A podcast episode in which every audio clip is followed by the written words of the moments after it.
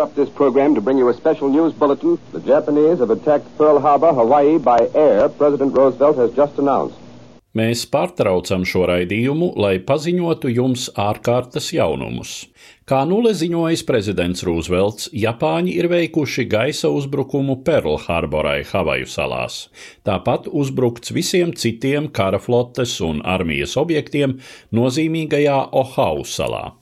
Šādi amerikāņu raidstacija CBS informēja savus klausītājus par jaunākajiem notikumiem 1941. gada 7. decembrī. Šīs dienas rītā turpat 200 japāņu bumbvedēju un iznīcinātāju bija uzbrukuši amerikāņu klusā okeāna flotes galvenajai bāzei un tajā noenkurotajiem kuģiem.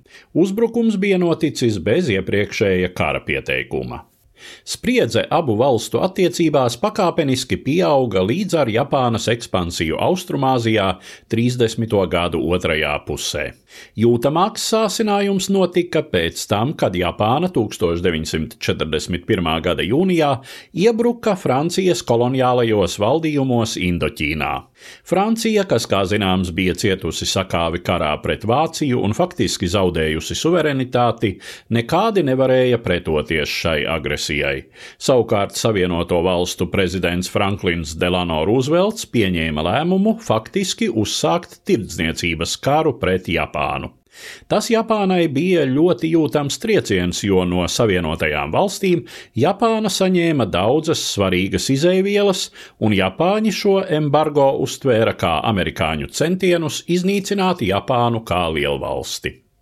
Tāpat tas pamudināja Japānu izvērst savu ekspansiju Dienvidu Austrumāzijā, okupējot tur esošās izeivielām bagātās teritorijas, Lielbritānijas un Nīderlandes koloniālos valdījumus, un arī Filipīnu arhipelāgu, kas bija Savienoto valstu protektorāts. Saprotot, ka militārā sadursme ar Ameriku šādā gadījumā ir neizbēgama, Japāņi nolēma dot triecienu pirmie. Japāņu stratēģija balstījās vairākos pieņēmumos.